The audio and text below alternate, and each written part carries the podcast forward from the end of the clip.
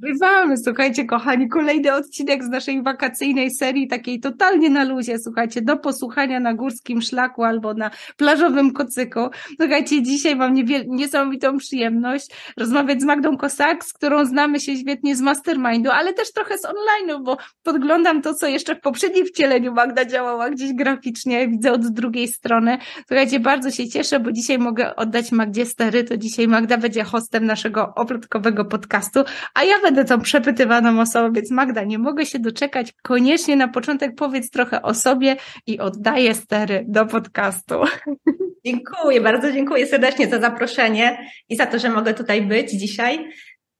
Jestem terapeutką techniki Bowena i instruktorką jogi tybetańskiej. Może o y, terapii Bowena dwa słowa, żeby to było trochę jaśniejsze. Jest to taka y, praca z ciałem powięziowa, bardzo delikatna w odczuciu jakby klienta, ale jednocześnie bardzo skuteczna e, w, w jakby w oddziaływaniu na, na ludzki organizm. No, yoga tybetańska to taka druga, druga dziedzina, którą się zajmuję. Pięknie. Magda, to ja oddaję się w Twoje ręce. Wiem, że w Mastermindzie już bardzo wiele dyskutowałyśmy, więc jestem super ciekawa. Wiecie, dla wszystkich, którzy słuchają podcastu, ja nie znam pytań wcześniej, więc cieszę się, bo to zawsze jest jakaś taka odkrywcza rozmowa. Także Magda, oddaję prowadzenie w Twoje ręce. Otwieram się na nowe pytania. Dobrze, to zaczynamy to. Agnieszko, chciałabym dzisiaj porozmawiać o zmianie być może też e, ten temat, ponieważ ja jestem w momencie takiej zmiany zawodowej, ale o zmianie, która tak naprawdę jest wszechobecna teraz. Jest, świat pędzi tak szybko, więc tak naprawdę dokładne to zdanie, że jedyną stałą jest zmiana, teraz jest niezwykle istotne i aktualne cały czas. Więc zmiana w Twoim życiu, zmiany w Twoim życiu. I na początku może chciałabym wrócić do historii już, do tego momentu, kiedy pojawił się u ciebie jakiś pomysł, czy iskierka, czy być może było to wynikiem jakiegoś wcześniejszego procesu, właśnie rękodzieło. Skąd to, skąd to się pojawiło, skąd to przyszło? Wiesz, super, super, że o to pytasz, bo mam poczucie, że to y, to z zewnątrz wyglądało jak taka jednorazowa właśnie zmiana, jednak tak naprawdę to rękodzieło było ze mną, ze mną od zawsze, od dzieciństwa. Ja mam poczucie, że jak spotykam ludzi w branży rękodzieła, to najczęściej jest właśnie podobna historia. Gdzieś w dzieciństwie już mieliśmy jakieś skłonności, lubiliśmy to robić, ktoś to w rodzinie pielęgnował w nas, jakby pozwalał nam rozwijać się w tym kierunku i przyszedł jakiś taki moment, wiesz, takiej brutalnej rzeczywistości, koniec bujania w obłokach, trzeba iść do pracy, wiesz, płacić rachunki i tak dalej. U mnie było bardzo podobnie. Ja od zawsze kochałam rękodzieło, wszyscy się śmiali, bo ja dużo rysowałam, malowałam, rzeźbiłam, domki dla lalek, wiesz, układałam. I takim naturalnym żartem trochę było, że o, ty to będziesz architektem, bo wiesz, te domki dla lalek i tam układałam, urządzałam, tapety rysowałam i ubranka i tak dalej. No i rzeczywiście tak sobie wymarzyłam, że pójdę na tą architekturę i w mojej głowie to marzenie to było właśnie, że zrealizuję się tak artystycznie, że ja ciągle będę miała kontakt właśnie z tą ekspresją twórczą. Na studiach jeszcze ciągle nam się tak, wiesz, y, no może taki mit pozwala pielęgnować, bo wiesz, jest malarstwo, jest rzeźba, rzeźba. Może to już nie jest tak dużo, bo to tam po jednym semestrze, po jednym roku, ale jednak jest e, nacisk na to rysowanie ręczne i tak dalej. Natomiast kiedy zaczyna się już pracę zawodową, to już taka brutalna rzeczywistość, to, to jest kontakt z klientem, to jest ta przyjemniejsza część przynajmniej dla mnie, albo po prostu do pół godziny przed komputerem i wiesz, najnowszy software, żeby to wszystko wizualizować i pokazywać na rysunkach. I ja pamiętam, że dla mnie to był taki moment trochę z jednej strony spełnienia marzenia o architekturze, ja tam też dosyć wyboistą drogą, bo to jedne studia, drugie studia, żeby tam w ogóle być, Natomiast to był trochę moment rozczarowania, że właśnie tam nie było te, za dużo tej ekspresji twórczej. Ten moment, wiesz, kreowania idei, rozmowy z klientem, właśnie bawienia się z tym, co my tu wymyślimy, niezależnie czy jako kubatura, czy jako wnętrze, to był tylko moment, a później były długie, długie e, godziny, dni, miesiące do takiego żmudnego dowożenia tego projektu, często używania się z branżystami na budowach, tak? No i wiadomo, jak coś nie wychodzi, to architekt winny, bo odpowiada jak za koordynację wszystkich branż. I pamiętam, że to był dla mnie taki moment, gdzie rękodzieło stało się taką formą e, ucieczki od pracy i tak, tako, takim, taką formą relaksu po pracy. Czyli gdzieś tam sobie coś dłubałam, dziergałam, właśnie malowałam, rzeźbiłam i to było takie e, coś, co w sobie bardzo długo pielęgnowałam, dopóki jeszcze tak jakby dużo było czasu, kiedy jeszcze tam zdobywałam doświadczenie w różnych pracowniach. Natomiast jak już otworzyłam własną, nagle ten czas na relaks się skurczył, no bo cała energia, cały fokus był na obsługę klienta, na też zdobywanie nowych klientów. No przyszło takie życie. I ocknęłam się w takim momencie, gdzie właśnie kiedy przyszła ta pauza macierzyńska, no i tą historię o plotki to wszyscy znam, że to był ten moment, kiedy ja właśnie sobie zdałam sprawę, że tak zapomniałam trochę o sobie i o tym, co mi sprawia wielką przyjemność, że wiecznie nie było tego czasu e, na to pielęgnowanie w sobie tego rękodzieła, to właśnie to się stało powodem, ten deficyt stał się powodem, że zaczęłam jakby no, prowadzić tą działalność, że właśnie wróciłam do tego rękodzieła. Ale łapię się na tym, że to rękodzieło ono było zawsze, tylko pew na, na pewnym etapie życia pojawił się ten moment, kiedy tak trochę brakło czasu. I to był paradoksalnie jakby ten trigger zmiany ten fakt, że to zawsze było i w pewnym momencie było tak intensywnie spychane na potem, potem, potem, to tak trochę puchło jak taka wielka bańka, taki balon i przyszedł ten moment, kiedy to wybuchło i tak jakby zawołało, wiesz, o uważność o swoje. I teraz jak patrzę na to z perspektywy, to właśnie się śmieję, że to trochę tak jest, że chyba trochę wszyscy tak mamy, że są pewne rzeczy, które nas wołają, one tam w nas w jakiś sposób są jako takie małe ziarenko, tylko przychodzi taki moment, kiedy my sobie pozwalamy na to, żeby ono wykiełkowało. Mhm. A jak właśnie to było? Jak, jak wyglądał ten moment, w którym sobie pozwoliłaś? To znaczy, czy równolegle, będąc architektką, już działałaś e, w tej branży, gdzieś zaczynałaś wychodzić ze swoimi pomysłami, ta branża mi bardzo pomogła, bo przyznam, że to był taki moment takiego zatrzymania. Zresztą ja nawet w książce pisałam o tym, że to był taki moment, że wiesz, jechałam na jakąś budowę z dzieckiem, wiesz, w foteliku. Ja już wtedy byłam w ciąży, ale jeszcze nie wiedziałam z tym drugim, więc taka byłam zmęczona, prawie zasnęłam za kierownicą. I tak się zaczyna w ogóle historia o plotki, że to był taki moment od wszechświata, który wiesz, w postaci takiego ryczącego, jadącego na mnie auta krzyczy, zasnęłaś za kierownicą, coś jest nie tak, tak się dalej nie da. I dla mnie to był taki moment takiego, wiesz, taki znak z zewnątrz, który, ten cichy głos, który tam mówił, no tak się nie da, nie uciągniesz, zajedziesz się, wiesz, próbujesz być matką i architektem na 100%, nie da się wszystkiego nawet. To był taki moment, który był takim, wiesz, takim, takim momentem właśnie zmian, takim momentem, nie? Ale to tak naprawdę kiełkowało już dużo, dużo wcześniej. Natomiast sam, sama zmiana przyszła tak naprawdę od takiej, te, takiej zmiany myślenia i taki pierwszy raz w takiej samodzielnej, mam wrażenie, decyzji, wiesz, zawsze byłam dobrą uczennicą, wiesz, dobrze się na studiach, tak, świetna praca, tak później własne biuro. I tak jakby wszystko w życiu zrobiłam tak jak trzeba, a i tak znalazłam się w punkcie, gdzie kurczę, coś nie działa, nie? Mówię, kurczę, i mam dwójkę zdrowych dzieci, i mam świetną pracę, którą kocham, i nie da się jedno i drugie naraz. I pojawiła się taka frustracja. I dla mnie ten moment takiego zatrzymania, takiego, to czemu ja muszę wybierać? Czy ja mogę mieć jedno i drugie naraz? No, dlaczego nie? I teraz jak to zrobić, żeby to było jedno i drugie naraz? To był ten właśnie taki moment zmiany. Ten taki, wiesz, ten trigger. No i od tego tak naprawdę wszystko się zaczęło. Ja wtedy tak naprawdę od, odstawiłam troszkę tą architekturę na kołek, zatrzymałam się tak, jakby priorytet położyłam na tą rolę mamy szybko się zorientowałam, że ja nie potrafię być tylko mamą na 100%, bo umiera we mnie ta taka przedsiębiorcza dusza. No i kończy się na tym, że wiesz, jestem zrzędliwa, taka wiesz, y, no widziałam, że mi to po prostu nie służy też jako mama, nie? Że jesteś taką sfrustrowaną mamą. No i wtedy właściwie zaczęły się oplotki, ale też nie miałam pojęcia, że, że, że to będzie coś takiego jak teraz. Podążałam właśnie za tym, co sprawiało radość, za tym, że posiedziałam na kanapie, podziergałam, widziałam, co mi to robi psychicznie. Tak? Mogę szczerze powiedzieć, że mnie to od jakiejś depresji poporodowej uratowało. Dzieliłam się tym z kolejnymi koleżankami też bardzo mi pomogła architektura, no bo kiedy gdzieś tam chodziłam z dzieciakami na jakieś baseny, tam networkingi, czy to, co to się tam robi z małymi dziećmi, ja tam z pierwszym to biegałam na wszystkie umuzykalniania świata, w ogóle wszystko, co tam było, całą ofertę parentingową przeoram, to gdziekolwiek szłam, to się przez, przez, przedstawiałam jako, hej, jestem Agnieszka, jestem architektem, bla, bla. No i na koniec zawsze podchodziło kilka osób, o, bo my właśnie kupiliśmy dom, urządzamy dziecku pokój, albo wiesz, w ogóle to jest taki moment, kiedy jesteśmy, wiesz, w zmianie tam właśnie mieszkania na większe, bo dziecko i tak dalej. I zawsze zaczynałam od jakiegoś takiego pomagania, czy to zaprojektowania pokoiku, czy w ogóle jakiegoś doradztwa w tym obszarze, że wiesz, okej, okay, nie mam tyle czasu, żeby prowadzić projekt, ale chętnie z tobą skonsultuję, wiesz, zawsze parę groszy na boku się przydało. I to był taki moment, gdzie ta architektura bardzo mi pomogła, bo ja naturalnie używałam rękodzieła, żeby urządzać wnętrze. A to właśnie te szydełkowe dywany, pówki, to wtedy tak wchodziło dopiero, to się stawało takie modne, więc obowiązkowo musiał być ten akcent, bo to też takie mamy modne, które chciały być na czasie.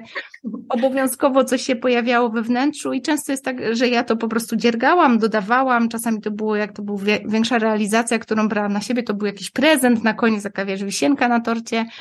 Później, kiedy już się nie wyrabiałam, no bo to też nie umówmy się, że nie da się wszystkiego, to ja po prostu zaczęłam tego uczyć, pokazywać, jak to zrobić. Czyli na przykład pokazywałam na przykład jakąś tam pówkę, ale mówiłam, wiesz co, możesz sobie do kompletu zrobić jeszcze dywan, tu coś na ścianę, tutaj właśnie jakiś fajny koc w tym łóżeczku, tu jeszcze maskotkę taką amigurumi, bo to też szydełko.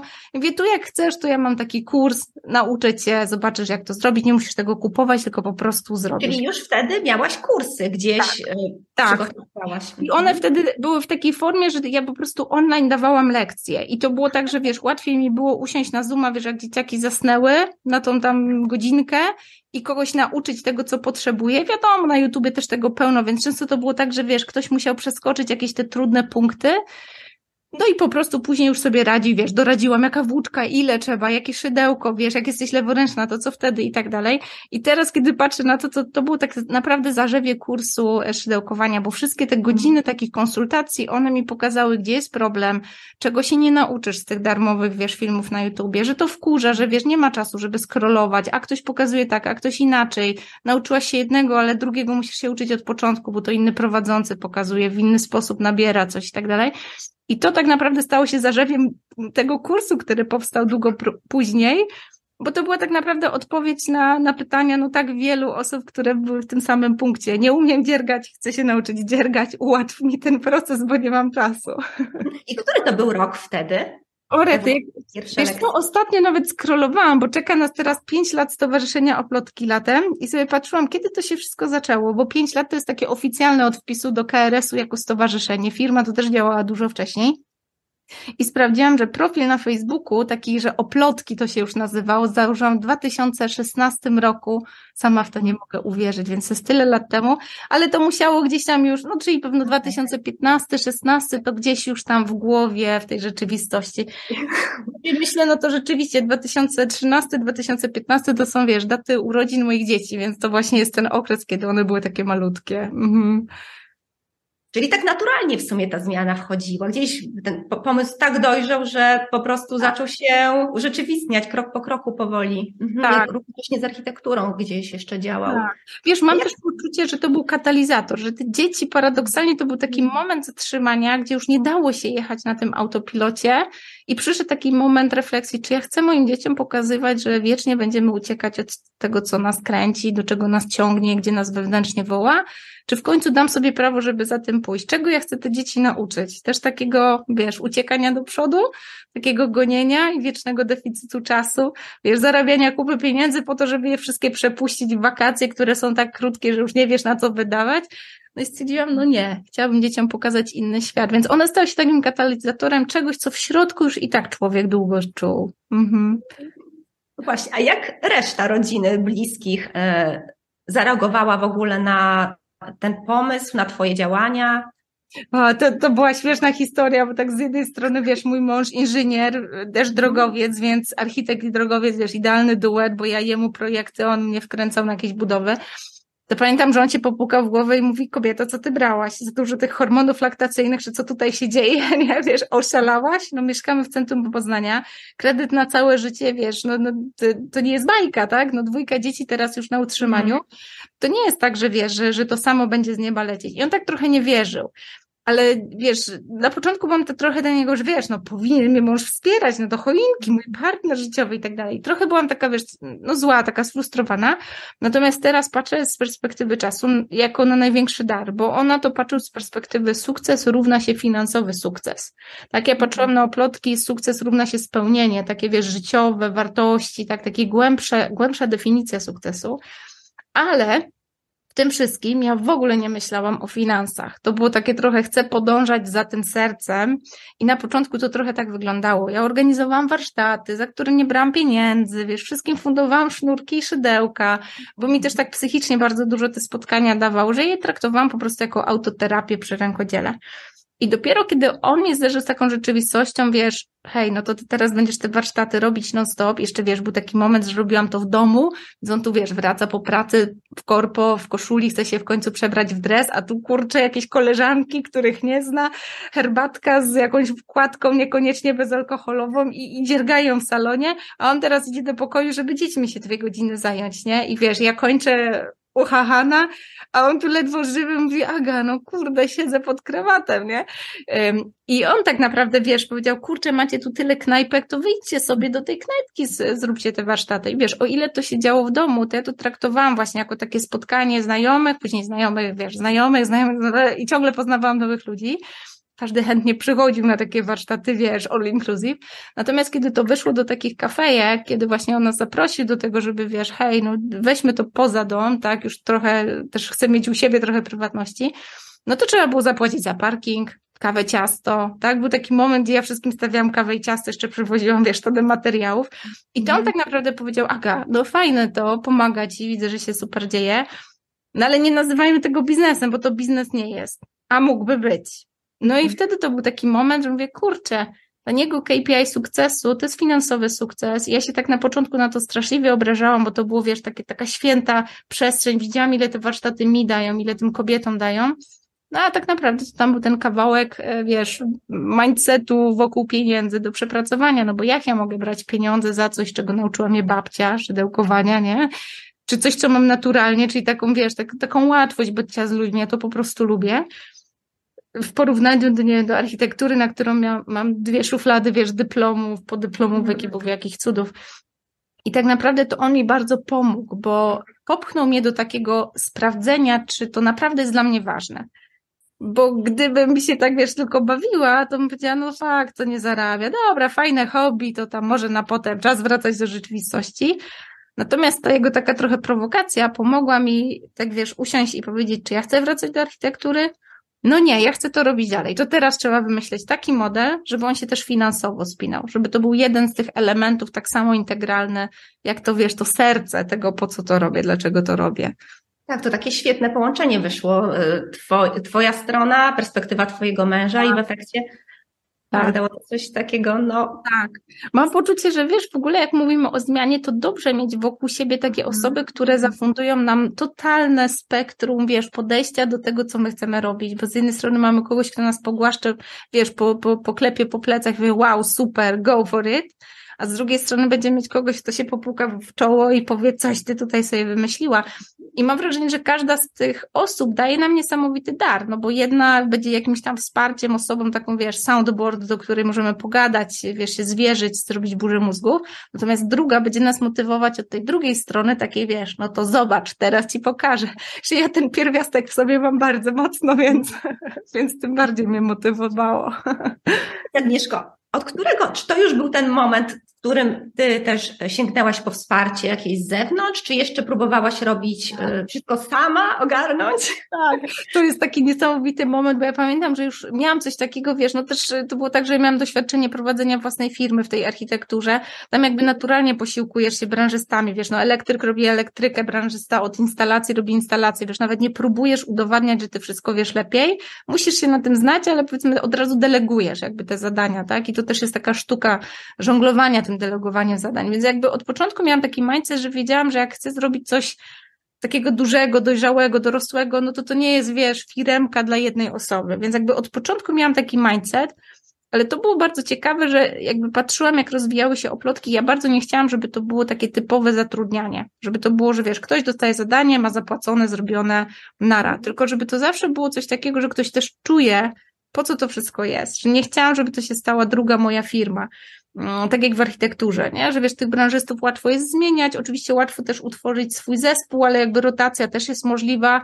To nie jest tak, że łączy nas jakaś turbo, niesamowita idea. No chyba, że wiesz, już działamy w branży lata i robimy coraz bardziej ambitne projekty, ale powiedzmy zwykły domek, no to każdy, nie wiem, instalator zrobi kanalizację, tak? Więc to nie są jakieś cuda. Natomiast u plotki wiedziałam, że potrzebuję takich ludzi, którzy no, czują to samo, co ja czuję w stosunku do rękodzieła. To nie chodziło o uczenie dziergania, to chodziło o stworzenie przestrzeni wymiany myśli, da, dawanie sobie takiego, wiesz, dmuchania w skrzydła. To było tak dużo takiej, takiej wrażliwej przestrzeni, tak naprawdę, no teraz to potrafię nazwać, takiej mentoringowej, takiego kobiecego kręgu i tak dalej, ale ja to tak czułam, wiesz, tak bardzo, bardzo od środka, że dla mnie największym wyzwaniem było tak naprawdę pogodzenie tego tak, żeby ktoś mi pokazał, jak to można zrobić. I od początku wiedziałam, że wiesz, no trochę wzięłam z tej architektury jakiegoś doświadczenia, ale to bardziej było na zasadzie, że tego nie chcę tak robić, chcę inaczej. No i później było takie pytanie, no to kto może mi w tym pomóc? No i zainwestowałam kilkakrotnie tutaj w Polsce i to na przykład były takie, wiesz, jednorazowe rzeczy typu robiłam już wydarzenia na Facebooku, żeby właśnie organizować te warsztaty. To jeszcze były, wiesz, szalone czasy, kiedy e, algorytmy tak działały, że wydarzenie i ludzie widzieli to wydarzenie, nie trzeba było pchać reklamą.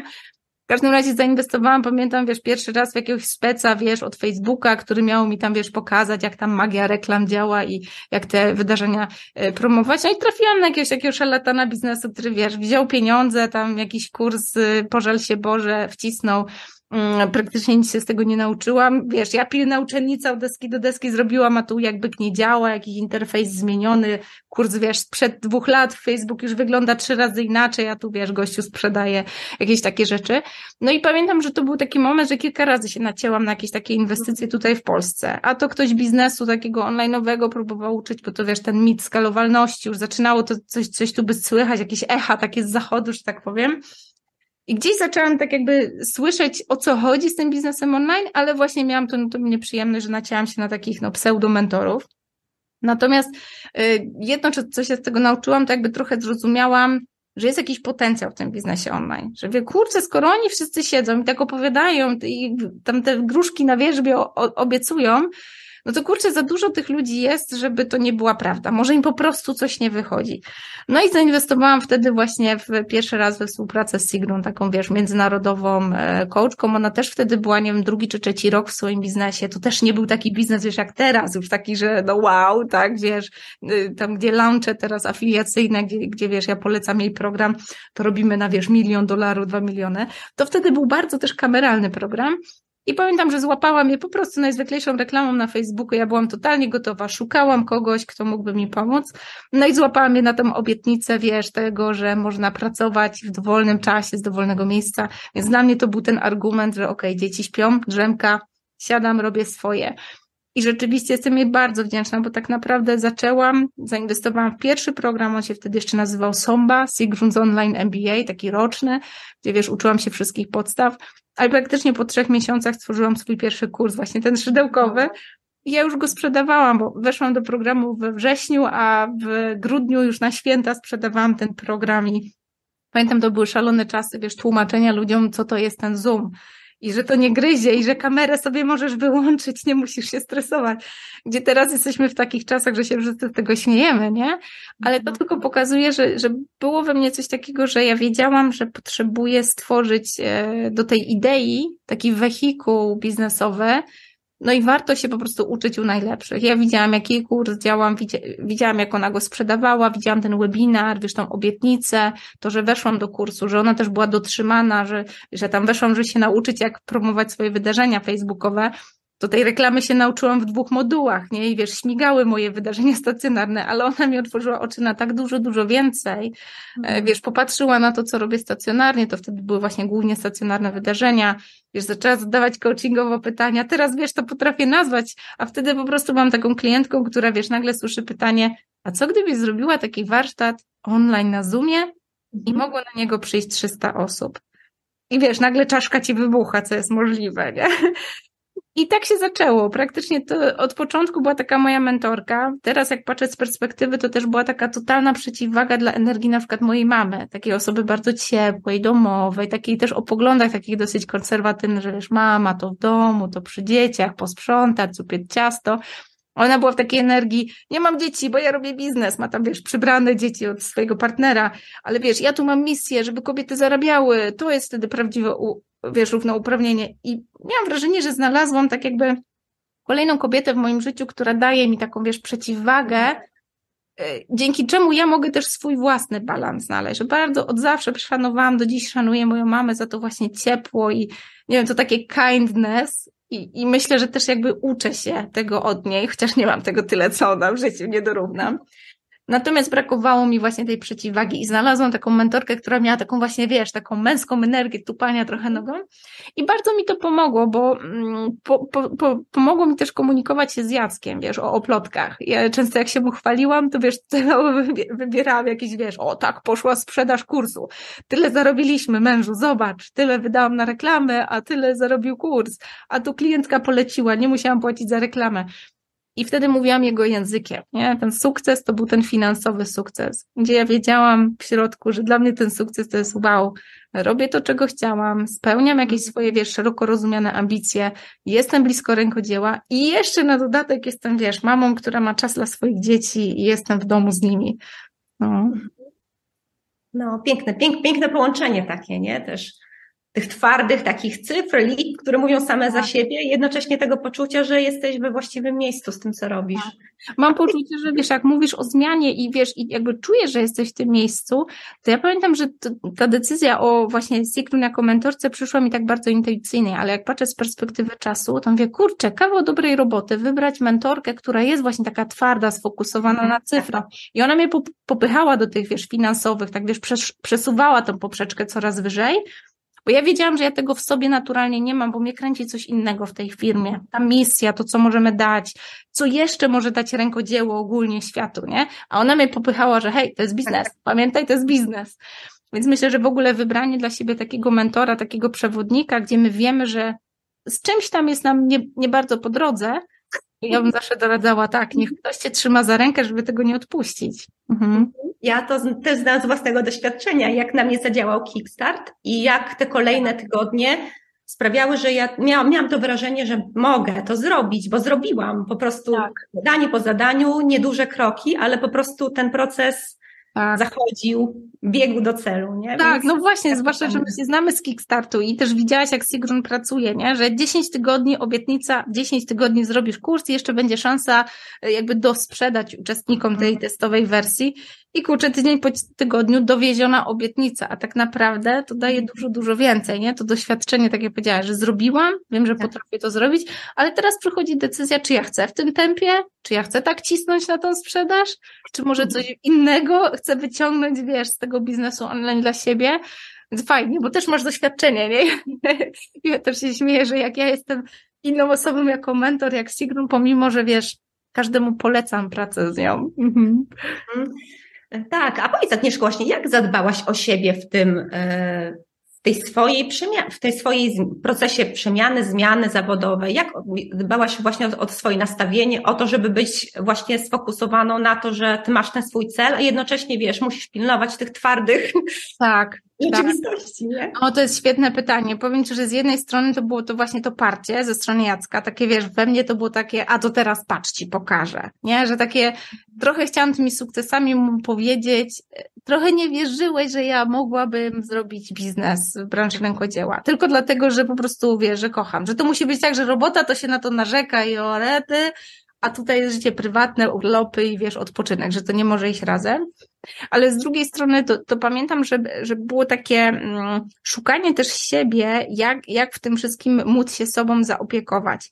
I ja pamiętam, że ja nigdy jakby, też z domu nie wyniosłam czegoś takiego, jak wiesz, ten dbanie o siebie, takie, w takim sensie takiego odpoczywania, no bo oczywiście takie, wiesz, podstawowe rzeczy to tak, zresztą też takie, że wiesz, jedzie się do domu, co, co dwa, trzy tygodnie jesteśmy, czy u rodziców moich, czy Jacka, czy na święta, to wiesz, jak ktoś widzi, że słabo wyglądasz, babcia to tam zawsze, wiesz, obmaca i o, co to taka chudziutka, coś ty za mało, wiesz, tym klimacie z każdym rozmawiasz, więc jak ktoś widzi, że tak słabo wyglądasz, masz jakiś humor obniżony, to zawsze się zainteresuje, zapyta, więc dla mnie to zawsze było takie dbanie o siebie, regularne odwiedzanie rodziny, konfrontowanie siebie z perspektywy innych, którzy cię dawno nie widzieli, bo ty wiesz, nie zauważasz jakichś zmian przez dwa, trzy tygodnie, miesiąc, pół roku, natomiast ktoś z zewnątrz od razu to wyłapie, więc dla mnie to był taki element dbania, ale nigdy nie wyniosłam czegoś takiego, żeby na co dzień jakby, wiesz, pytać się, czy jest wszystko ok, samą siebie, wiesz, zatrzymywać się, dbać. Teraz mam wrażenie, też jest trend w ogóle takiej dbałości o siebie, bo mamy takie czasy, gdzie musimy mieć jakąś kontrę do pędzącej rzeczywistości, bo po prostu odpłyniemy, nie? Odjedziemy w tym kołowrotku. Natomiast nie miałam tego z domu wyniesionego. My mamy dom też tradycje, wiesz, górnicze, my wszyscy ze Śląska tam pochodzimy, więc tam w ogóle kult pracy, wiesz, jak odpoczywasz, to przy grabieniu liści na dworze, żeby coś pożytecznego robić. Więc raczej takie było podejście do dbania o siebie. Natomiast ja się tego bardzo nauczyłam po plotki. Kiedy zaczęłam, wiesz, sprzedawać tak naprawdę relaks, no bo jakby nie patrzył, wyjdź na warsztat, podziergajmy razem, daj sobie chwilę oddechu od dzieci, od pracy, porozmawiać z innymi kobietami, tylko jak się zatrzymasz, to masz szansę na refleksję, może niepotrzebnie gonisz, nosisz puste taczki i wiesz, i cała ta narracja, to mi trochę było głupio uczyć tego i do tego zapraszać, kiedy ja nie jestem w tej integralności, że sama tak żyję. I to był dla mnie taki pierwszy moment, gdzie wiesz, tutaj dłubiesz stronę, tutaj coś, robisz dużo, żeby ten biznes ruszył, żeby ludzie się o nim dowiedzieli, żeby zaprosić na te warsztaty, a z drugiej strony bardzo dużo czujności, żebyś na warsztat przyjechała w określonej energii, żebyś była na tym warsztacie obecna, żebyś, wiesz, nie zaglądała w telefon albo, nie wiem, nie odbierała telefonu, że z dzieckiem jest coś nie tak, że masz czas, żeby to zaopiekować wcześniej, zaaranżować, że ten mąż se tam poradzi w domu. Teraz już jestem inną mamą, no ale wtedy to wiesz, musiałam mu nawet pieluchy tam poukładać, jak, jak przebrać, nie? I pamiętam, że to dla mnie było takie pierwsze w ogóle próbowanie i eksperymentowanie z tym, co jeszcze mogę zrobić w tym kierunku, jak jeszcze dalej można się posunąć w tym właśnie dbaniu o siebie, żeby trochę być takim przykładem, no bo wiesz, jako liderka tej firmy, to dla mnie to było ważne, żeby właśnie dawać przykład, że ja wchodzę uśmiechnięta, że wiesz, cera jest, wiesz, nie poszerzała, bo nie wyspałam się trzy noce z rzędu, tylko dałam sobie właśnie ten relaks, nie? Że opowiadam o swoich dzieciakach z wielką radością, już się nie mogę doczekać, jak do nich zaraz wrócę, ale jednak tu jestem. Dałam sobie ten czas, żebyśmy pobyły razem. W takim naprawdę bądźmy razem, a nie wiesz, spoglądamy na telefony. I to nam stało się takim dbaniem o siebie na co dzień. I dopiero później tak naprawdę przyszły, wiesz, różne metody, typu właśnie gdzieś poszukiwania, że yoga, że jest jakiś oddech świadomy, że są różnego rodzaju terapie, z którymi można pracować. I mam takie poczucie, że teraz dopiero eksploruję te tematy, bo one są tak bardzo blisko koło rękodzieła, nie? że jedno z narzędzi takiego świadomego odpoczywania to jest rękodzieło, ale tych narzędzi jest tak dużo więcej. I mam wrażenie, że dlatego nam się tak zawsze rozmowa na mastermindzie klei, bo tak jakby osiągamy podobny cel, dajemy podobną wartość naszym klientom, tylko po prostu robimy to innymi narzędziami. Mhm. mhm. Ja właśnie mam takie odczucie mm, po Twoich spotkaniach, w czasie Twoich mastermindów, że Ty dajesz jakby no wskazówki e, co do tych e, konkretów, tak. ale jednocześnie to jest podane w takim w takiej łagodności też, z takim poczuciem, żeby, żeby na spokojnie, posz, po, poszanuj w tym siebie, nie? Że to, to się czuje i to daje taką też taki oddech w tym, że tak. zrobię co mogę, nie? Po prostu. Tak. Ja mam tutaj przed, przed oczami jakby i słyszę tą opowieść twoją, jak e, nagrywałaś kurs, karmiąc dziecko i, tak. to poszło i to przecież działa nadal. Dzięki Bogu ma tylko dotąd oglądać. Wtedy byłam tak nagrywana, bo tutaj dziecko przy piersi. No, więc są różne sytuacje, a mam wrażenie tak, że czasami ten perfekcjonizm czasami troszeczkę nas zbyt dociska i po prostu tak. rezygnujemy wtedy z różnych rzeczy, a mogłoby po prostu być nie tak. idealnie, tak? Dobrze, tak. ale nie musi być idealnie. Zdecydowanie, wiesz, ja mam poczucie, że za to też mogę podziękować, wiesz, mentorkom, bo oczywiście kiedy mm. weszłam do świata Signum, to była taka jedna mentorka, której się trzymałam dobre trzy lata, praktycznie tylko klapki na oczach i w jej programie, wiesz, i i to społeczność, którą tam poznałam, to też były jakby dla mnie mentorki, ale takie bardziej, wiesz, y, rówieśnice, nie? Każda z nas się w czymś specjalizowała. Ktoś mnie uczył Pinteresta, ktoś coś, bo był specem od stron, ale jednocześnie każda z nas pracowała u Sigrun nad swoim modelem biznesowym, więc stamtąd miałam bardzo dużo takich mentorek, powiedzmy, narzędziowych, czy gdzieś tam mindsetowych.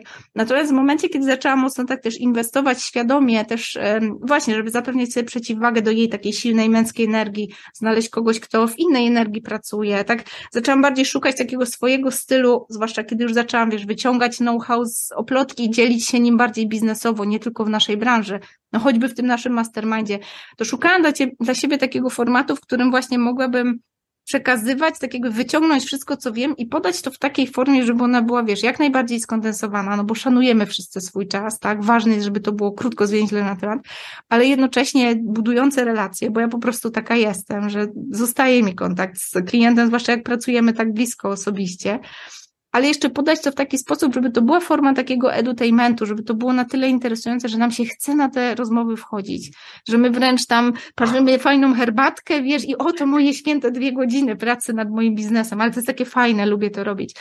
I pamiętam, że trafiłam właśnie do takiej mentorki, która podawała wszystko w formie takiej rozmowy, takiej konwersacji. I do dzisiaj pamiętam, zresztą do dzisiaj też jeszcze inwestuję nałogowo w jej programy. Ona podaje treści w formie rozmowy i często tak mówi, że Zapomnij, że tu jest ekran. E, może sobie nawet to puść na jakimś telewizorze, żebym była takim, wiesz, real size, tak żebym wyglądała tak jak ty.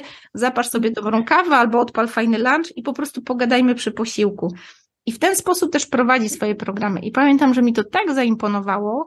Ja rzeczywiście czułam się, jakbym rozmawiała z taką serdeczną przyjaciółką, z którą wiesz, jak to jest w dzisiejszych czasach, nie? Wyjść na kawę z przyjaciółką to jest taki niesamowity treat, nie? Że dajemy sobie taką wow przyjemność.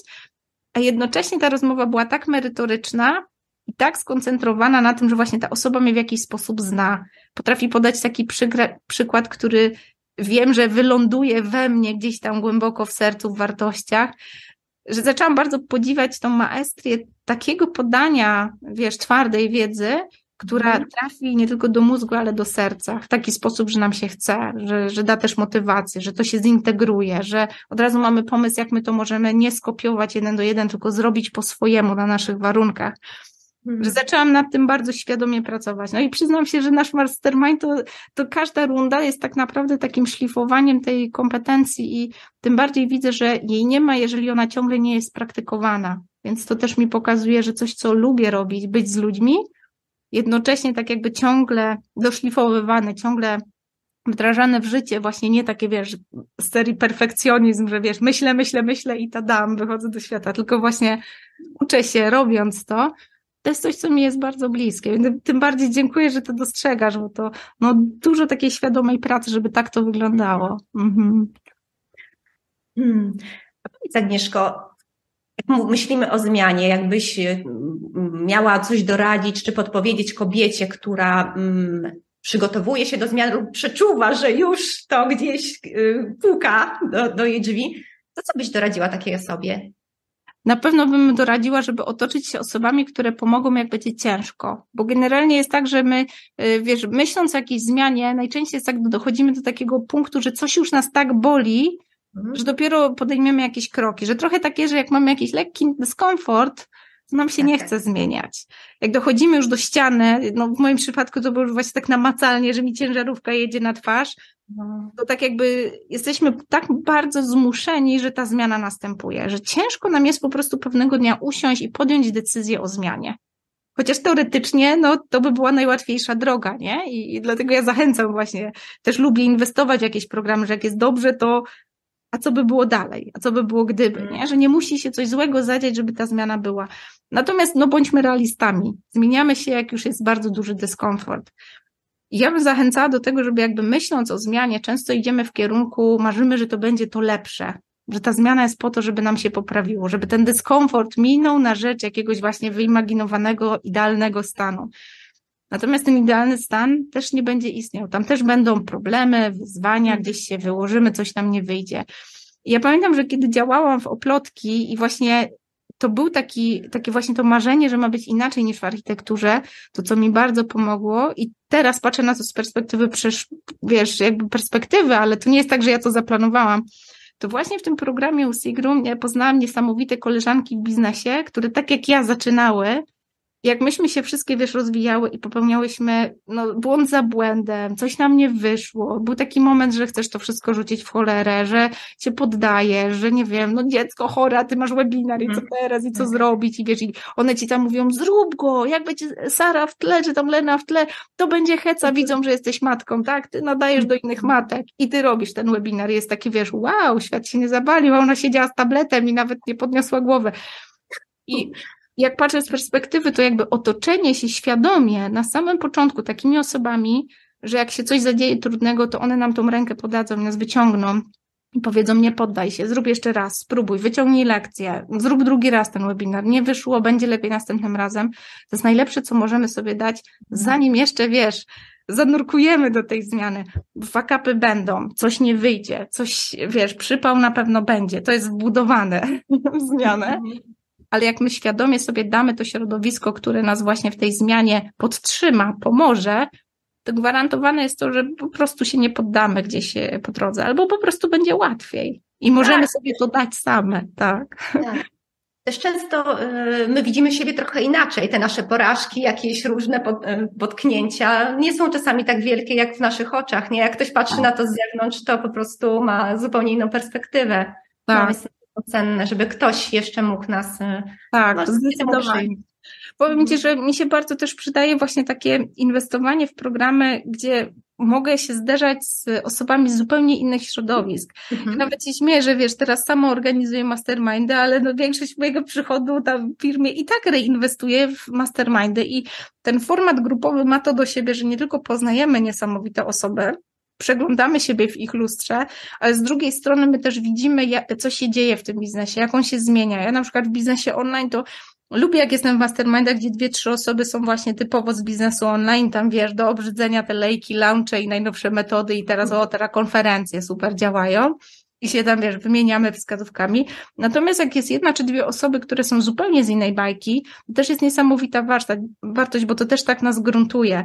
My w tych online'ach mamy takie, że, że łatwo tutaj odlecieć w ogóle w kosmos, natomiast mam wrażenie, że te właśnie twarde biznesy, w których wcale tak kolorowo, tak łatwo jak w online nie jest, bardzo nas gruntują, bardzo pokazują, że wiesz, no, zakładając piekarnię potrzebujesz milion na inwestycje, nie? Wchodząc w biznes online, to potrzebujesz laptopa z dostępem do internetu.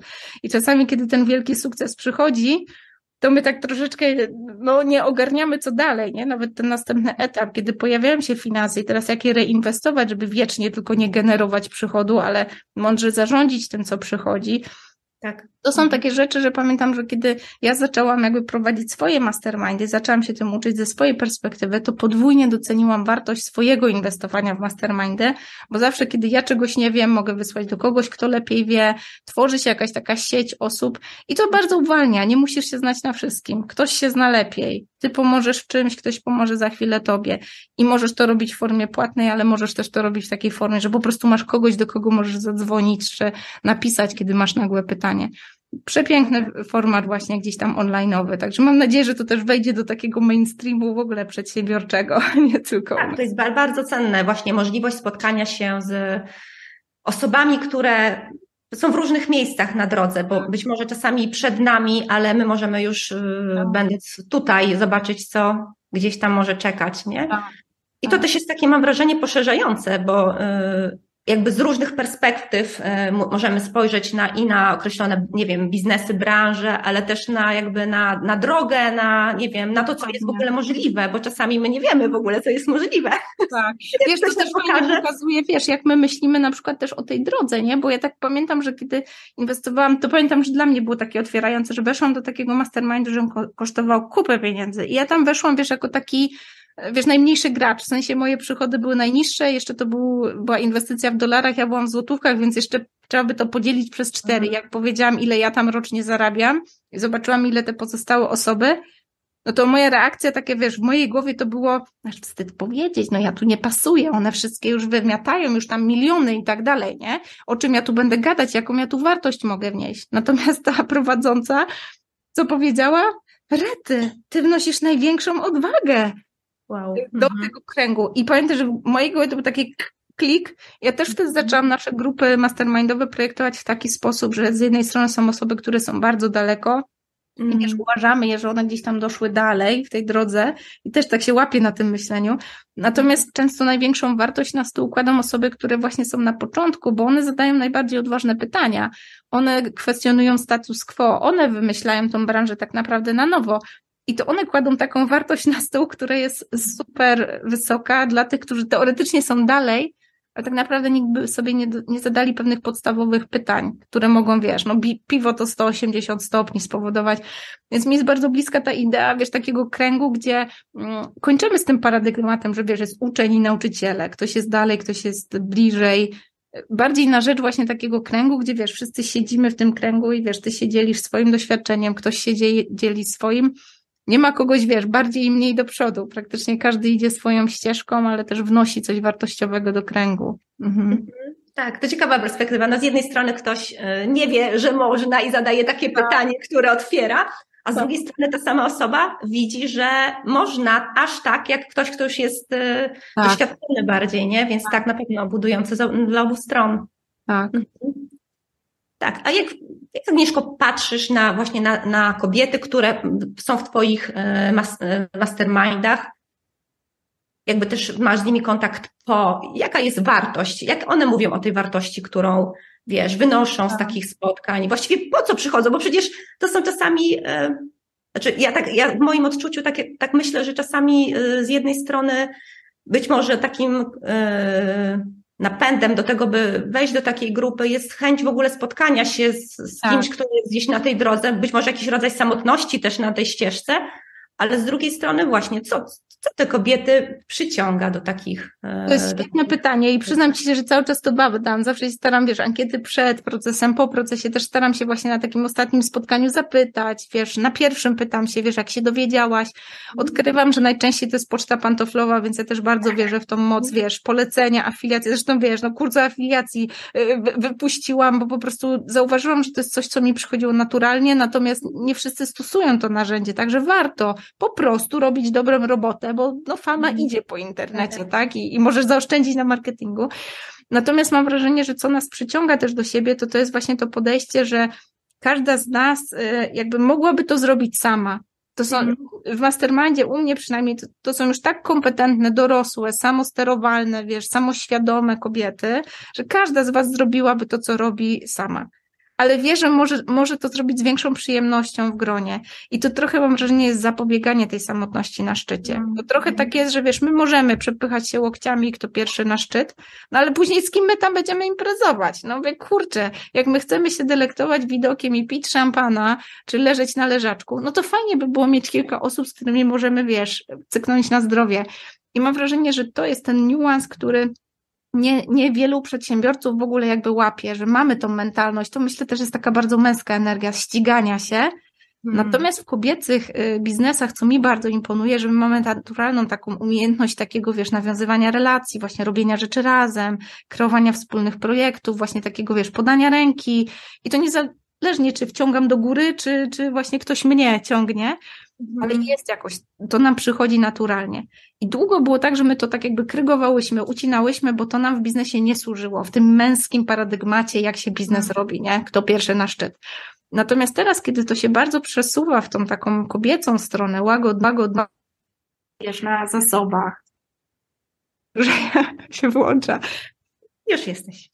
Tym, co po prostu lubimy robić, a nie to mam poczucie, że y, właśnie ta idea mastermindu, gdzie każda z nas wchodzi do takiego procesu świadomie, jako właśnie nie przyspieszenie, nie ulepszenie, nie wiesz, pokonanie kogoś, tylko właśnie sprawienie, że to, co potrafiłabym zrobić sama, zrobię w grupie, dzieląc się, ale jednocześnie biorąc, otwierając się na to, że to może wyglądać inaczej, że wiesz, ja wiem, jaki jest cel, ale czy ja pójdę, wiesz, zygzakiem, trzy razy, wiesz, przyspieszając i umęczona z językiem wywalonym, czy ja tam pójdę po linii prostej, bo ktoś mnie popchnie, ktoś podwiezie, ktoś poda rękę, no to to jest ta różnica. Myślę, że to jest ta wartość mastermindu, że my już wiemy, że to nie jest kolejny kurs, kolejne 10 modułów, które muszę skonsumować. To jest czasem jedna rozmowa, kogoś, mhm. kto spojrzy na nas z boku i zada takie, wiesz, celne pytanie, bo pracuje inną metodą niż my, jest z innej bańki niż my, no zresztą widzimy to w praktyce, nie? Ja tak. sama bardzo korzystam z mastermindu i śmieję się, że pomimo, że jestem facylitatorem, czuję się też uczestniczką mastermindu. Wy też wychwytujecie takie moje blind spoty, więc ja też cały czas czuję, że dla mnie to też jest wielki proces rozwojowy. Mhm. Hmm. Tak, tak jak sobie właśnie e, patrzę na to i stawiam się w, trochę, też w tym miejscu, to jest też taka możliwość z jednej strony dzielenia się porażkami i opowiadania, co ja takiego zrobiłam, albo że mi że nie zrobiłam, a z drugiej strony właśnie takie miejsce, gdzie możesz podzielić się swoim sukcesem i ktoś cię zrozumie, nie? Tak, tak. I to jest, wiesz, tak. takie, takie fajne, jednocześnie takie trudne dla kobiet, bo nam jest łatwo łajać się za to, co nam nie wyszło mhm. i trochę, wiesz, o rety, rety, czego ja tam jeszcze muszę się nauczyć, natomiast trudno nam mhm. przychodzi właśnie taki ownership sukcesu. Natomiast format mastermindu trochę tego wymaga, bo jeżeli my chcemy brać w tym formacie, to my jednocześnie potrzebujemy dawać. Jakby przynajmniej u mnie mastermind polega na tym, że wszystkie do tego wspólnego koszyczka tak samo wkładamy, jak wyciągamy. I teraz okej, okay, łatwo jest nam wejść w te buty, wiesz, która daje, dzieli się, przynajmniej ja też tak mam i to jest dla mnie wyzwanie, żeby się uczyć to w drugą stronę, bo żeby brać, tak, e, dać sobie takie jeszcze większe prawo, żeby brać, to musimy się nauczyć dawać. I teraz, żeby dawać, to my musimy mieć taki duży ownership tego, co wiemy. Ja to umiem, ja ci w tym pomogę, ja się znam, zaufaj mi, zrób tak. Lata doświadczenia, wiem to na pewno. Trudno nam przychodzi jako kobietom, wiesz, takie wejście w buty takiej właśnie ekspertki, specjalistki. Natomiast mastermind myślę, że w takiej właśnie intymnej przestrzeni pozwala to trenować, bo teraz jeżeli ja chcę sobie dać jeszcze większe prawo, żeby jeszcze obficiej brać, to ja jednocześnie trenuję się w tym, żeby dawać, żeby nie czuć, że tam jest, wiesz, ten imbalans, nie? Mhm. Mhm. Tak, rozumiem. Ale też wiesz, już trochę jakby wychodząc trochę w inny temat, właśnie może bardziej w temat e, tego przejścia trochę z energii, jakby wprowadzeniu firmy, biznesu z energii e, męskiej do żeńskiej, to tak mam wrażenie, że afiliacja też jest taka bardzo kobieca, nie? Bo po prostu bardzo. opowiadasz. Tak. To, to w ogóle wiecie, co, co mnie spotkało, takie super. I to jest takie naturalne też, nie? Więc tak. moim zdaniem bardzo fajny kierunek, taki, żeby, żeby to już po prostu poszerzać, żeby to było bardziej używane, tak. nie? To nie jest taki jakby. Mhm. Działa w obie strony, bo myślę, że znowu tu są takie te bolączki i ten potencjał, nie? Że z jednej strony przychodzi nam bardzo naturalnie polecanie właśnie czyichś tak. usług. W ogóle nam łatwiej jest polecać kogoś niż siebie, nie? Więc już od tego zacznijmy. I to może być też fajne takie narzędzie, żeby okej, okay, ja tak miałam na początku, bardzo polecałam usługi Sigrun, jak ktoś się chciał uczyć biznesu online, dopóki nie poczułam w sobie takiej pewności, że mówię, hej, ja cię też tego nauczę. Tylko ja po prostu nie chcę, bo wiem, że ona robi najlepszy kurs online, jak zrobić kurs. Ja cię złapię chętnie, jak ty już kurs masz, bo ty będziesz ze mną skalować w nieskończoność, nie? I to właśnie wymagało ode mnie takiego, że właśnie dało mi łatwość nauczenia się i nabrania takiej pewności, że ja cały czas promowałam ją, a mhm. później miałam takie, rety, jak ja bym tak promowała moją akademię, to bym miała tak samo wielki launch mhm. akademii. No to zróbmy to. I zrobiłyśmy to i to się spełniło. Natomiast gdybym od początku miała, wiesz, trąbić wszędzie o swoim programie, jaki on jest super zarąbisty, no to nie przychodziło to naturalnie. I to jest ten potencjał, nie? w którym możemy sobie tą afiliację ćwiczyć. Natomiast widzę też jest duże ryzyko, bo znowu pojawiają się pieniądze, czyli wiesz, afiliując, czyli rekomendując coś w modelu afiliacyjnym, otrzymujemy za to wynagrodzenie. I tu nie chcę wchodzić w szczegóły, bo to mogą być finanse, po prostu pieniądze, ale to też może być rodzaj barteru, jakaś usługa, jakiś bonus i tak dalej. No ale pojawia się wynagrodzenie za naszą pracę, czyli za nasze polecenie dostajemy wynagrodzenie. I tu zauważyłam, że kobiety właśnie słabo negocjują swoje stawki polecają, ale niekoniecznie fajnie potrafią przyjmować tą zapłatę. Tak, jak dochodzi do jakichś negocjacji, to tam wiesz, spoczywają na tej powiedzmy na tej najniższej stawce i ona jest ok. Nie walczą tak jakby o sobie, nie widzą swojej wartości. I mhm. myślę, że dla mnie to jest ten kawałek, który w afiliacji bardzo mnie kręci, bo kiedy prowadzę właśnie te programy, wiesz, gdzie tam dzielę się tym swoim doświadczeniem, no i cały mój kurs to tak naprawdę, wiesz, trzy moduły metodologii, którą ukułam z doświadczenia, ale tak naprawdę siedem pozostałych to są wszystkie takie stady, jakie afiliacje robiłam, czego się nauczyłam. To widzę, kiedy pracujemy nawet tak jeden do jeden, to największy obszar takiego zagrożenia jest, kiedy ja mam powiedzieć, ile ja za to chcę. Mhm. A ile chcesz? E, no nie wiem, ale ile chcesz? Ty na pewno wiesz, tylko wstydzisz się powiedzieć, nawet sama przed sobą przyznać, że chciałabym na tym dobrze zarabiać, nie? I tam jest bardzo duży taki kawałek, gdzie jest właśnie ten potencjał i jest zagrożenie. I myślę, że jak będziemy o tym więcej rozmawiać i też ze sobą jako, wiesz, no, partnerki biznesowe afiliować, gdzie pojawia się ten przepływ finansów, gdzie to jest ok, jak jedna mówi, hej, ja chcę zarabiać więcej, a ty mówisz, wiesz co, no nie, bo mi się to nie zgadza w moich obliczeniach i wiesz, rozstajemy się w zgodzie, albo negocjujemy i wiesz, zmieniamy warunki jakiejś umowy, ale jak znormalizujemy to rozmawianie o pieniądzach, to myślę, że afiliacja w wykonaniu kobiet to może być zupełnie od, nowa odsłona tego narzędzia, zwłaszcza przy takiej intymnej pracy, na przykład z klientem jeden do jeden, czy właśnie w małych formatach grupowych, gdzie bardzo ważne jest, jakiego mentora wybieramy, bo tam się pojawia ta intymna relacja. Mhm. Tak.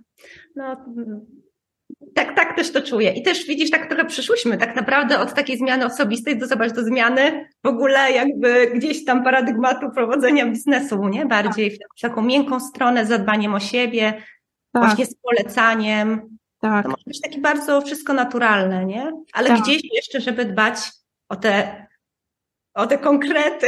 Dokładnie. Wszystko zgadzało. Dokładnie. Ja myślę, że dlatego właśnie ten format mastermind jest mi taki bliski. Już nie tylko dlatego, że jestem po prostu społeczna. Ja lubię rozmawiać i to też właśnie w takich, myślę, że te 4-5 osób to dla mnie jest taki sweet spot, że to nie jest tłum, w którym możesz się schować, ale jednocześnie to nie jest jeden na jeden, gdzie e, to też potrafi być męczące, nie? Że my tutaj tak jakby rotujemy, zmieniamy się. Raz jedna jest taka grillowana, raz druga ma tam taki love seat, tak? Różne formaty przyjmuje ta rozmowa ale mam w ogóle poczucie, że ten format daje tak dużo przestrzeni na to, żeby wspólnie rosnąć, że właśnie robimy pewne rzeczy razem i on jest taki bliski prywatnie, ale z drugiej strony jakby też zawodowo, bo wiesz, no ja na przykład, wiesz, nie, nie pracowałam z jogą tybetańską, nie pracowałam z narzędziami, których używasz u siebie w pracy. Raz, że potrafię je w ogóle poznać, tak? Pewno nie miałabym takiej przyjemności, żeby w ogóle, wiesz, na nie tracić, bo trafić, bo wiesz, aktywnie ich nie szukałam. Natomiast im bardziej, wiesz, poznaję to, co ty robisz, tym bardziej widzę te punkty styku, to robię ja w rękodziele i powiedzmy, to są te cele, które osiągam dzięki temu narzędziu, to robisz ty, orety, tu jest tyle przestrzeni pośrodku na współpracę, nie? Tu jest tyle potencjału na robienie czegoś razem. I myślę, że to jest właśnie fajne w mastermindzie. Tak jak ty pracujesz, wiesz, też wyrastasz z jednego środowiska, jesteś w zmianie, nie? Widzisz, ile zasobów bierzesz tamtąd, gdzie jest coś na środku, gdzie mogę to wykorzystać, tak? To jeszcze było tam, ale jeszcze będzie tu gdzie za chwilę idę w zupełnie innym kierunku, nie? I to pokazuje, że te punkty styku, one mają niesamowity potencjał. Nie? My będziemy się ciągle zmieniać, ale jak będziemy szukać takich punktów, gdzie ja w sobie mm. łączę kilka światów, ale ja też potrafię się otworzyć, otworzyć na coś z zewnątrz, to te punkty styku to są takie portale, wiesz, do czegoś więcej niż tylko my. Mhm. Tak, myślę, myślę, że chyba tak byśmy mogły jakoś powoli kończyć tę rozmowę, domykać, bo pięknie podsumowałaś tą, tą, tą całą naszą e, dzisiejszą e, rozmowę.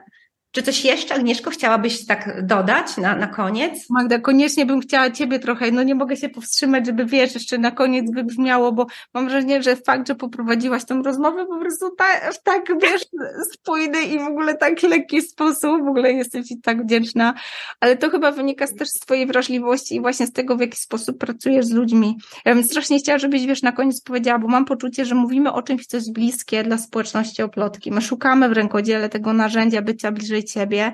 Też trochę bycia bliżej ciała, właśnie zamknięcia laptopa, żeby pobyć, wiesz, rękami, z oddechem, e, wiesz, może z dobrą muzyką, która nas wycisza.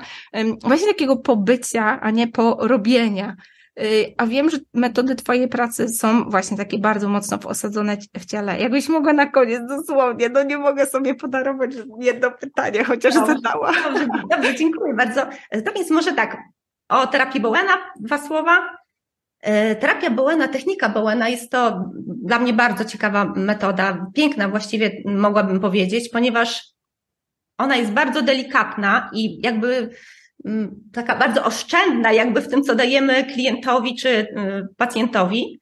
Jednocześnie przez to, że e, jest taka, mm, no właśnie, te ruchy są po prostu precyzyjne, konkretne, takie e, w odpowiednich miejscach, ale przez to, że dajemy taką informację tylko dla ciała, to jakby organizm ludzki potrafi te informacje po prostu przyjąć, jakby odczytać je właściwie i sam zająć się sobą, jakby sam wykonuje po prostu robotę. Ja jako terapeuta daję tylko tą informację dla ciała, a już ciało e, klienta po prostu ustawia się, harmonizuje, ustawia tę, tę wewnętrzną równowagę, ponieważ Akurat w tej metodzie pracy y, z ciałem działamy też, jak mówiłam, na powięzi, ale też y, aktywujemy układ przywspółczulny, więc organizm przestawia się na ten e, tryb funkcjonowania wewnątrz, bardziej w równowadze takiej, jakby działa ku równowadze wewnętrznej, nie?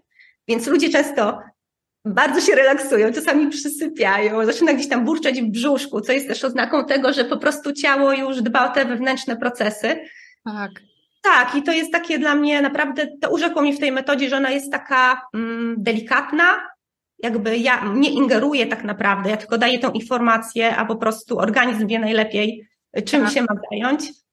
No i yoga tybetańska też gdzieś jest to jakby taki ten rdzeń jest podobny, ponieważ tutaj y, tak naprawdę pracujemy z taką podstawą naszej, mogłabym powiedzieć, wewnętrznej anatomii, bo z kanałami energetycznymi. W naszym tak. ciele jest wiele kanałów, główne trzy, ale też bardzo wiele innych. I poprzez po prostu odpowiednie pokierowanie ruchem, oddechem, odpowiednią jakby koncentrację, można wpływać na to yy, właśnie, jak te kanały funkcjonują, co one niosą ze sobą w sobie. Mm. No i przez to właśnie jest relaks ciała, e, umysł się uspokaja, a takim gdzieś sednem tego jest po prostu właśnie nawiązanie tego głębokiego kontaktu po prostu ze sobą. Sobą, dokładnie. No, Zobacz, okazuje się, że po prostu ta mądrość jest w nas, nie? Że to jest tak, że stajemy się takimi przewodnikami, żeby wracać do siebie. Ja się tak cieszę, że mogłyśmy o tym porozmawiać, bo mam poczucie, że no tak jak rękodzieło, te metody, wiesz, znane na całym świecie, one były, są i mam wrażenie, że długo, długo będą. Technologia będzie pędzić do przodu, może za chwilę będziemy na jakichś, nie wiem, okularach 3D nagrywać podcasty i mrugać, żeby zrobić enter, ale tak naprawdę nasze ciało długo jeszcze będzie funkcjonowało tak, jak funkcjonuje i ciągle będzie miało te same potrzeby. Więc bardzo Ci dziękuję, że o tym opowiedziałaś. Wierzę, że nasza oplotkowa społeczność też bardzo skorzysta z tej rozmowy i może chociażby wygoogluje albo po prostu pójdzie na skróty i zajrzy do Ciebie, jeżeli chce trochę głębiej wejść właśnie w taki czas dla siebie i relaks. Magda, bardzo Ci dziękuję. Przepięknie. Bardzo dziękuję. Dziękuję serdecznie. Piękna rozmowa.